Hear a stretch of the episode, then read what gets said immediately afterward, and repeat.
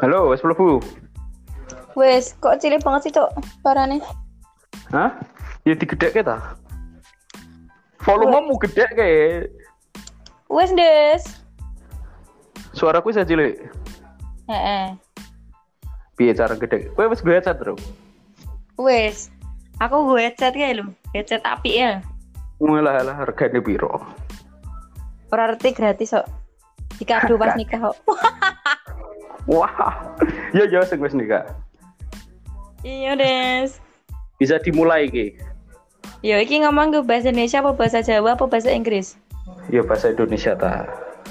Oh iya. iya. Suara aku jelas. Jelas jelas jelas banget. Kadang aku kagok ke bahasa Indonesia. ih. Hmm, Ya engko Presentasi. ono ono Jawa-Jawa ne sithik ora apa-apa. Oh iya, siap. Ya udah siap. Ya, oke.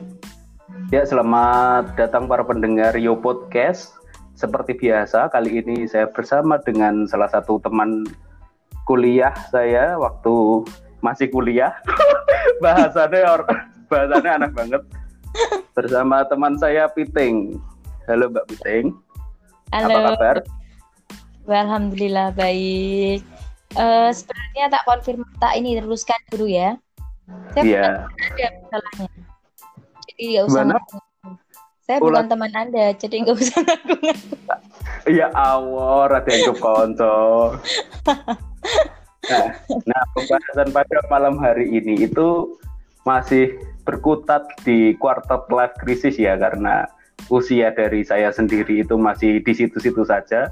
Bahkan usia Mbak Piting ini ada di bawah saya dan dia dan dia sudah memenuhi standar sosial di mana dia lulus cepat semester berapa Mbak? Eh, 8 dong. Aman dong. Kemudian setelah lulus menikah. Kerja dulu, kerja dulu. Oh, kerja dulu. Ud- Udah lulus dapat pekerjaan. Standar sosial banget kan? Kayak Aduh. memenuhi standar sosial sekali. Terus setelah bekerja beberapa saat kemudian menikah. Hmm, betul, betul, betul, betul. Dan sekarang pun sedang hamil muda ya, Mbak. Ya. Hmm. Tambah. Guys, habis ini. Oke. Nah, nah di situ kan kalau quarter life crisis biasanya itu kan kita membahas tentang orang-orang yang tidak memenuhi standar sosial di mana di usia 20-an sampai ke 30 sampai 27 lah 28 itu masih belum menikah atau masih ada yang belum lulus bahkan belum dapat pekerjaan seperti itu menjadi sebuah keresahan lah bagi saya ya kami-kami ini yang memiliki nasib seperti itu. Nah, jadi membuat diri saya ini penasaran, apakah bagaimana struggle orang-orang yang juga memiliki, yang sudah memiliki semuanya itu, sudah apa mencapai standar sosial itu ya yang lulus cepat, sudah menikah, mendapatkan pekerjaan dan sebagainya. Oke, bisa dijawab nih ya. Mm. Kalau disuruh milih, kalau dibilang nyesel, nyesel. Mungkin bojomu nek kono ora. Ning jopo. Enggak sih kayak gini. Aku ini ini kan masih abstrak. Yang dimaksud nyesel itu bagaimana? Lulus tepat apakah menyesal? Memiliki memiliki pekerjaan setelah lulus itu apakah menyesal? Enggak, Maksudnya- menyesalnya itu ketika eh, mungkin ini dialami beberapa wanita yang masih kelihatannya siap, ternyata itu lebih banyak tantangan ketika kamu, oh oke aku bisa. Ternyata lebih, wow, nggak seperti ekspektasi yang dibayangkan gitu loh. Ini Hmm. khusus untuk menikah ya. Kalau untuk Iya. urus tepat tua, saya sangat sangat sangat menikmati prosesnya walaupun yo akeh nangis akeh bapere ya gitulah semuanya pernah merasakan untuk lulus gitu kan. Kemudian Mm. mendapatkan pekerjaan itu juga aku nikmati prosesnya. Karena setelah itu hasilnya itu kayak lah oke okay lah tapi tapi ada pi. Tapi ketika kamu untuk menikah itu sesuatu yang hmm, itu nggak cuma kerikil nanti kerikil hilang ada kakaknya kerikil ada ibunya kerikil banyak kerikil sampai waktu-waktu sing gede. Oh. bisa bisa dijelaskan gamblangnya gimana? Kan oh ya di sini kan Mbak Piting itu dulunya pemain teater atau masih? Bergulat uh, tidak? Alhamdulillah nah. semenjak ini jauh ya apalagi covid jadi kayak mau kayak bingung. Udah ada gambaran karena aku juga basicnya dari teater suamiku juga teater jadi kita udah kayak aku eman-eman banget kalau setelah nikah lepas dunia keteateran bener-bener dicul gitu kan.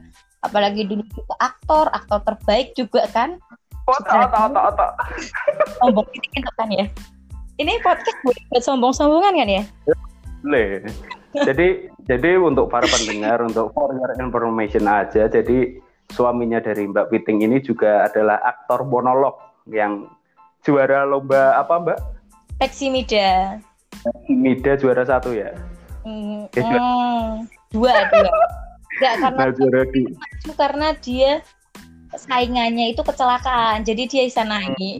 Kalau aku kan bener-bener aku sendiri. Ya boleh. oh iya iya. Nah tapi memang kualitas juga ya ya suaminya kan juara dua kemudian kok istri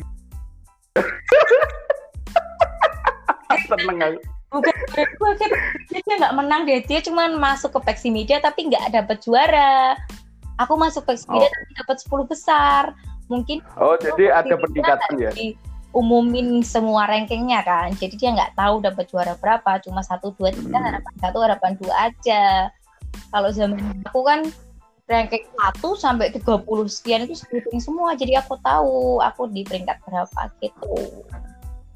Oh ya ya setidaknya sudah masuk ke kancah provinsi gitu. Ah, ah.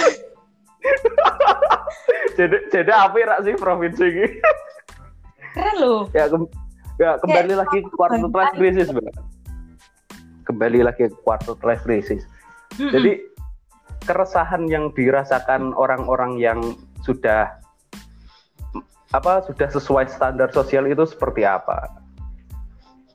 Kalau ngomongin standar sosial, kayak aku yuk bingung sopo sih menciptakan standar seperti ini gitu kan ya. Karena ketika orang melalui standar yang dianggap sosial, uh, dianggap uh, lingkungan lingkungan itu kayak sesuatu tapi ketika orang melakukannya itu ya kita mikir emang sesuai ya? Emang hidup tuh harus kayak gini ya? Emang harus gini ya? Cuma kan banyak orang yang nggak bisa bersuara karena mungkin suaranya dua banding apa. Jadi mm -hmm. kalah lah orang-orang minimal itu.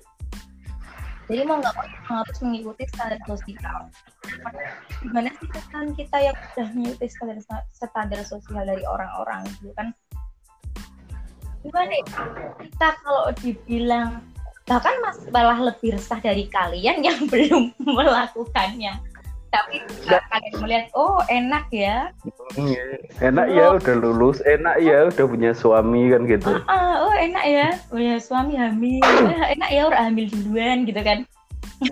Aduh aduh aduh tapi itu guys kita lebih banyak tekanan sosial lagi. Bahkan kalau kita mengikuti standar sosial yang ada di masyarakat kita belum lulus tanyain kapan lulus udah lulus kapan ditanya kapan kerja udah kerja ditanya kapan nikah udah nikah ditanya, ditanya lagi kapan punya anak punya anak lagi-lagi kapan punya adiknya. Itu kan tuntutan sosial tuh jalan terus. Jadi kalau memang kita nggak bisa apa sih ya fighting ya fighting terhadap itu ya down gitu loh down sendiri. Hmm. Bahkan aku dulu Jadi, sempat kan ketika aku nikah, uh, aku barengan nikah nih sama temanku, saudaraku. Dia dia hamil, langsung hamil. Aku bahkan sampai langsung hamil. Sempet sih banyak tetangga yang bilang, lah ibu nikah, be, be kamu cepat kamu kok hamil, kayak wes tujuh bulan gitu. Oh oke okay, gitu mungkin kayak hal kayak gitu di masyarakat nggak masalah gitu. Tapi kita yang melakukannya itu kan gitu. Kan kalian nggak tahu. Jadi dalam apa setiap tahap kehidupan itu pasti ada aja yang bikin hati nggak enak gitu ya? Pasti ada. Dan nggak semuanya jadi, itu mulus ya. Kan sedikit cerita aku pernah dengar dari seseorang filsuf sih. Jadi kalau orang punya pacar dengan orang yang tidak punya pacar itu lebih enak orang yang tidak punya pacar. Yes. Karena satu-satunya tujuan dia kan punya pacar. Keresahan dia tidak punya pacar tapi kalau orang yang punya pacar keresahannya kan pacarnya mau diapain kan gitu. Kudu, lebih lebih ngurusin maksudnya mengurusi orang satu ini itu lebih ribet daripada kamu mengejar satu orang gitu. Hmm. Tapi kalau aku apa ya? Nah itu sih Kal kalau dulu suamimu sebelum jadi pacar kan kamu gigitin, cokoti we. cokoti sih. Waduh, nyokotnya tekan tinggi. Waduh, lalala. kan, hmm, suka saya kalau pikirannya kan. gini. kalau kalau keresahan yang pernah dialami selain apa diperbandingkan dengan orang lain di mana dia sudah hamil dan sementara Mbak Piteng ini belum itu yang lain pengalaman yang lain gimana? Kalau ngerasain itu lebih ke ini ya proses melewatinya karena jadi masuk baru kan juga masuk ke dimensi baru baru yang baru. Masa transisi dari kita sebelumnya sampai kita menginjaknya itu kan juga perlu proses gitu kan. Bahkan untuk memutuskan menikah dan melakukan prosesi pernikahan aja itu banyak banget konfliknya. Banyak banget hal yang gimana ya? Kok kayak gini sih? Dan kok kayak gini sih? Pokoknya untuk nentuin tanggal nikah aja dari keluarga mm -hmm. Jawa banget kan. Dan suamiku Islam banget. Nah kalau aku ikut keluargaku untuk nentuin tanggal nikah ini nggak cukup sebulan dua bulan tiga bulan bisa sampai sendiri buat nyari tanggal. Nyari tanggal weton-weton gitu ya? Nanti ketemu ki weton weton saya wetonku ini weton suamiku ini ketemu. Oh jatuhnya orang ape orang ape kudu sarate sarate harus ini sekian bulan harus ada ini harus ada itu sajen apa sajen ini kayak gitu. Bukan kayak gitu sih. Walaupun yang Jawa ini ada selipan TKH, solawate tapi kan menurut kayak kayak nggak ada gitu loh. Semua tanggal itu bagus gitu kan. Iya. Nek uang uang uang tua kan ngomong namanya nikah nggak nganut omongan uang tua salah tunggu Oke, mm, iya. itu udah menjadi pikiranku. Kalimat ultim mm -mm. tapi akhirnya sama suami ya kita berembukan juga. Diskusikan aku berdua aja. Karena kalau kita mengikutkan orang tua pihak cowok sama pihak cewek ya kita kalah. Yang nikah orang tua kan ibaratnya. Bukan kita lagi mm-hmm. aku sama suami diskusi kemudian ketemulah tanggal ya udah mau nggak mau aku juga nggak mau ikut tradisi keluargaku yang harus ada hitungan tahun dan lain sebagainya Suamiku juga menyatakan sama keluarganya nggak usah ke kiai untuk cari tanggal. Jadi kita udah punya tanggal sendiri, kita ke kiai. Kalau itu juga ada kiainya yang itu juga ikutannya Jawa-Jawa, Jawa-Jawa Islam gitulah. Kita, kita nikah tanggal segini, doanya kayak gini. Jadi keresahannya itu ini masuk ke mengatasi keresahan berarti ya? Hmm. Ya ya keresahannya itu prosesnya itu. Contoh gitu yang mau kita. Kemudian kalau aku sering terapin sama suami komunikasi. Karena kalau kita mendem sendiri, uh, mentalnya nggak kuat.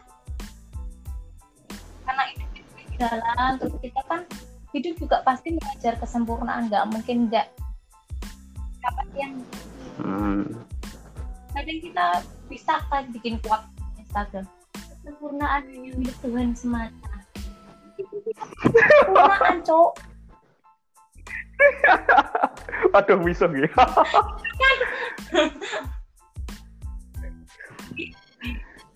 gitu mas.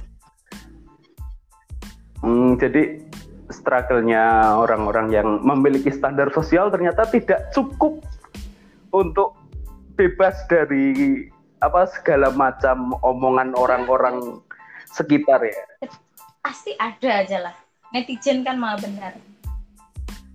Oh. Apalagi sekarang, pasti juga udah ngomong, wah enak toh nikah, nikah, gaya dewe, gue omah dewe, gitu. Iya orang orang lihatnya enak, tapi kita yang melakukan, kita yang menjalani, kita harus dipaksa hidup bertetangga. Tinggian karo ibu eh, ono tanggone nikahan, ibu eh sing nyumbang, tanggone mati, wong tuane sing layat. Sekarang mau nggak mau kita harus ada orang lahiran, yuk tilik gaji. Orang meninggal, ya kita yang ke sana. Jadi mau nggak mau kan kita kebentuk. Kita harus melalui proses transisi bahwa kita udah bukan lagi anak yang oh ada ibu oh ada bapak. Kan kita harus sendiri. Sekarang kita harus jadi posisinya ibu dan suami jadi posisinya bapak. Gimana itu saya gimana? Jadi arisan. Hmm. ibu-ibu PKK belum lagi kita harus menyesuaikan. Ibu rumpi kita harus ikut join lah ya. Kalau kita nggak ikut ke sana juga pasti oh sombong kita kita yang dirumpiin. Kayak gitu sih banyak banget pesan kalau dibilang pesannya apa sih? Banyak. Ya itu salah satu contohnya aja lah kita diceritakan semuanya. Kalau mungkin nih aku cerita podcast saya sampai sesuk kali ya 24 jam nanti pun kalau semisal apa podcast ini bisa sampai ke ibu-ibu tetanggamu kan ih dia nggak pernah ngumpul tapi ngerumpiin kita di podcast. Kayak kemarin ya tetangga gue itu kan ya oh, jadi... jadi kan rumahku rumah nih aku rumah paling pojok. Agak terkena gitu. Akses jalan itu kan cuma satu ya ke rumahku dia punya dia nikahin hmm. nikahin anaknya. Cuma jalannya itu nutup jalan. Jadi ujung rumahku ada tiga rumah berarti. Sama rumahku kita nggak bisa keluar. Dan mabur mabur. dan si yang punya hajat itu nggak bilang sama sekali. Oke lah kalau dia bilang aku mau ada acara. Nanti aku nutup acara ya paling dua hari. Gitulah oke kita masih bisa persiapan. Oh berarti suamiku harus berangkat lebih pagi oh pulang nanti harus parkir ke mana? Gitu kan kita ada persiapan. Tiba-tiba jalan tutup cek siapa yang nggak stok marah dong. Kita marah. Yang punya hajat lebih marah. Dia ke rumah. Aku geng ya marah-marah itu marah-marah ya kita mau gimana coba? Ya Jim udah bu. Kalau itu bilang nggak masalah.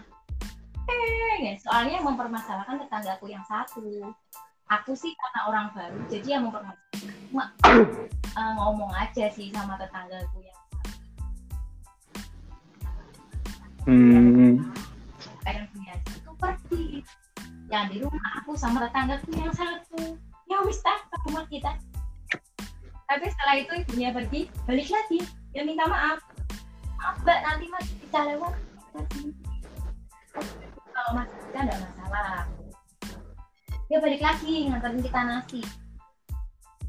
Kita mikir kasih nasi? Oke berarti kita sana nah terus kita kan juga ada tetangga lain kan? Kita wa nan dikasih nasi apa enggak enggak enggak ada. Eh kok ibarat minta maaf tadi aku sudah marah-marah. Gak jelas gitu loh Padahal harusnya harusnya itu nasi itu dikasih sebelum ada iya, hajatan ya. Setidaknya itu. Beritahuan atau ngundang lah, ngundang untuk rewang gitu. Ya itu sesuatu yang aku baru Fungsi 24 tahun. Dari dulu nggak pernah namanya ngurusi tonggo riwis gitu kan. Karena ini mau nggak mau ngurus bisa menghadapi tetangga. Tanggamu tabrak kamu. Salah paham oh yo meh melu ngamuk kan tak gitu tonggo dong orang baru sakit jadi sebenarnya itu apa keresahan yang dirasakan setiap fase kehidupan itu akan selalu ada ya. Cuman berbeda dimensi saja. Masuk ke fase berikutnya, berikutnya dan berikutnya. Dan kalau aku aku tadi bilang juga ya, setiap kamu mengalami kenaikan kelas, ternyata kan lebih lagi. Ada beberapa orang yang merasa bahwa ketika kamu naik kelas, fasenya tuh nggak sebegitu. Kamu fase di belakang. Jadi semuanya tergantung juga sih bagaimana kekuatan seseorang itu dalam menghadapi suatu hal menghadapi keresahannya yang naudzubillah. Jadi bisa dianalogikan secara sederhana itu bahwa kayak orang apa anak SD yang mau ke SMP kayaknya enak ya hmm. SMP temennya banyak. Betul. orang SMA SMA yang masuk kuliah enak ya pakaian bebas. Ah baru ngerti skripsi kayak apa? Enak SMA rak garap eh, enak ya kuliah. Rak garap tugas rak popo ayo eh, rak popo dosenmu rak peduli guys. Oh. tapi nilaimu nilaimu ya ora ono ya soalnya kalau orang belum melalui fase itu dia kan bilang enak ya oh ya. Yeah. Tapi ketika kamu jegur, kamu nggak akan bisa bilang enak ya. Oh begini ya. Nah jadinya seperti itu. Orang oh enak ya. Udah nggak ada tuh nanti. Hmm, jadi untuk pesan atau masih ada cerita lain? Ah, cerita Dari lain lagi. Apalagi ketika nanti masuk fase, ah, ini dulu ya, fase aku mungkin aku kerja. Hmm. Jadi pas fase itu aku lulus bulan Agustus bulan September itu aku udah dapat kerjaan. Itu sebulan. Tapi aku belum wisuda jadi udah sidang udah punya SKL udah dinyatakan lulus cuma belum ada ijazah karena belum wisuda satu bulan itu aku mencari pekerjaan yang melaku yang saya ngelakoni rasanya kok banget ya. Ya Allah aku kok kerja kerja. Gak upah juga orang tua ngapain ke kampus? Gak lulus juga masih ke sana. Kan. Padahal kita di rumah juga cuma tidur main HP tidur main HP eh ngomong turun turun. Kampus aku gak lulus ya gitu kan. Itu juga suatu proses untuk mencari pekerjaan. Setelah aku sudah terima kerja di bulan September. September itu suamiku ya berarti dulu masih pacarku. Dia udah minta aku nikah untuk di bulan Desembernya.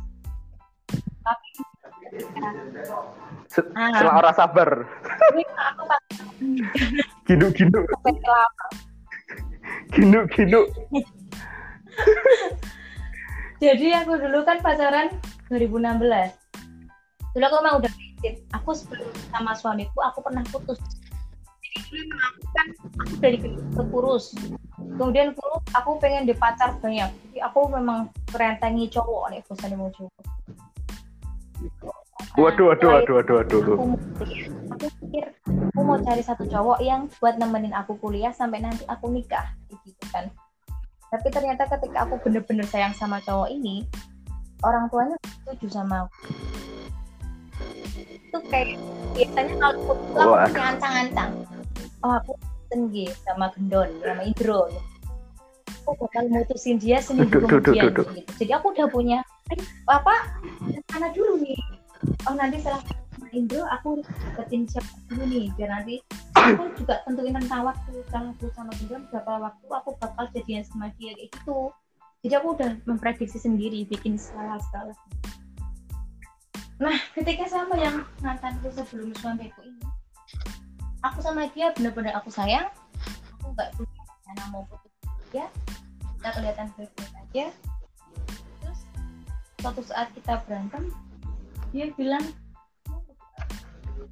oh bilang kenapa? Kayak gitu. Terus dia bilang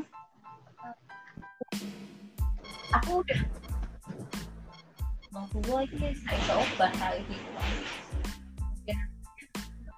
hanya ngomongnya enggak alasannya karena aku lebih tua dari dia. Oh, kue ngeranteng berontong gitu ceritanya. Jadi dia 97, aku 96. Jadi aku cuma kak kelas dia, aku kelas 3, dia kelas Lah ya Allah, mung setahun. pikir kelas kebelean, nggak mungkin masih cuma satu tahun.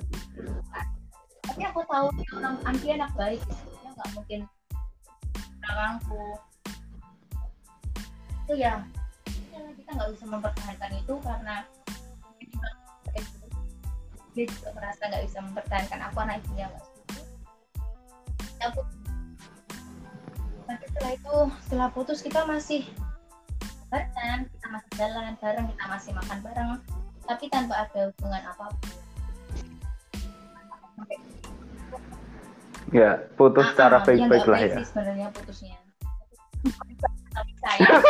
balik lagi tapi bukan balikan Yuk. jadi kita hubungan tanpa status aja Aduh, aduh. Oh, eh, orang FBB kan ini. FBB. Aduh, aduh, aduh. Ada orang bojomu Oh, rumah.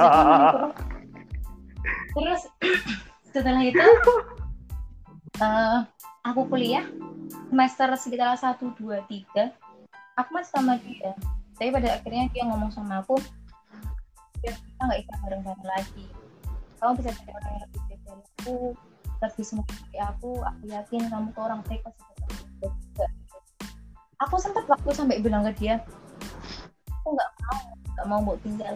Nggak apa-apa kamu punya pacar. Aku malam aja waktu buat aku malam aja. Apa kalau kamu udah kamu udah selesai sama pacarmu itu Duh, duh, duh. Segitunya ya. karena aku bener-bener aku nggak pernah namanya sayang sama cowok gitu loh. Dan nggak pernah ada pikiran buat putus. Tiba-tiba selesai dan dia juga nggak pengen selesai tapi orang tuanya nggak memungkinkan kita untuk lanjut. Ya udah. Tapi di situ dia maksa nggak dia nggak mau. Dia nggak mau nyakitin aku karena dia tahu endingnya kita nggak bakalan bareng. Oke. Akhirnya kita aku ya udah aku lepas kamu. Lepas aku. Kita kontak-kontakan tapi aku nggak pernah unfollow IG-nya nggak pernah hapus nomornya nggak pernah hapus selainnya. BBM nya jadi aku cuma berusaha untuk mengikhlaskan melepaskan. Jadi aku nanti suatu saat oh iya aku pernah sama dia kayak gitu. Nggak memaksa aku untuk melupakan dia Ma- malah mencoba untuk mengikhlaskan aja. Setelah itu Ojo, ojo, ojo nangis loh, ojo nangis. bojoku udah tahu eh kan nangis. Turu dewe. Alhamdulillah. Aduh. terus setelah itu aku punya Enggak ya Rana aku nggak mau pacaran lagi. Iya. jadi kalau ada yang mau nembak aku ya udah nikah. Karena aku nggak mau yang namanya putus lagi aku nggak mau yang namanya move on. Karena move on itu nggak segampang itu. Kayak banyak teman-teman juga yang ketika putus galau tips tips move on dong nggak bisa. Nggak ada yang bisa ngasih kamu tips buat move on. Cuma kamu sendiri yang bisa nyembuhin karena aku bisa move on dari dia Memang memang cinta yang pernah ada itu tidak akan pernah hilang tapi kita memutuskan untuk jangan mengikhlaskan gitu ya. Oh, ya. Eh, ya, terakhir, terakhir Mbak Beting, pesan-pesan buat orang-orang yang tidak memenuhi standar sosial seperti Anda Ya. gitu. Pesan-pesan buat saya yang masih seperti ini adanya dan juga mungkin para pendengar yang juga bernasib sama seperti saya. Oke, ini durasinya bentar kok ya Mas Indro ya. Bentar kok ini udah mau kelar nih. Hmm?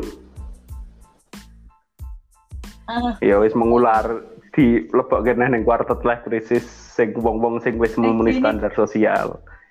Jadi pesan-pesan terakhir, ini wis meh tak Oke. tutup ya wis setengah jam jadi pesan-pesannya buat Mas Indro, buat siapa pun orang-orang di luar sana yang tidak sesuai dengan standar sosial, nggak usah dipikirin, nggak usah pusing, nikmati aja prosesnya.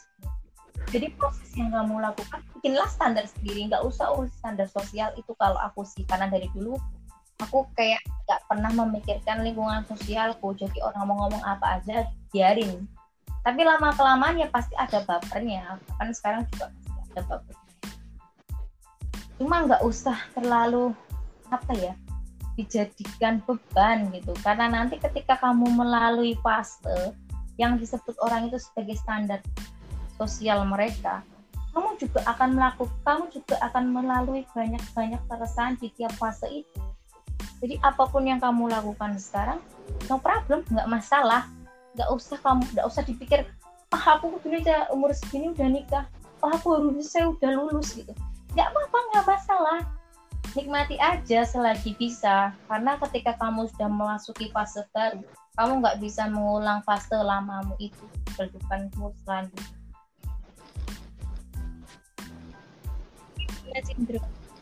ya udah yeah. cukup mbak Piting. Ya terima kasih mbak Piting sudah menemani podcast pada kesempatan Hai. kali ini nantikan podcast-podcast selanjutnya tentang pembahasan-pembahasan yang oh, saya rasakan jadi, sendiri jadi tentunya. sambil minum air. Karena saya ya, ya karena kan saya yang buat ini. Terima kasih. Mas Indro. ya, terima kasih telah mendengarkan. Sampai jumpa lagi di podcast selanjutnya. Terima kasih.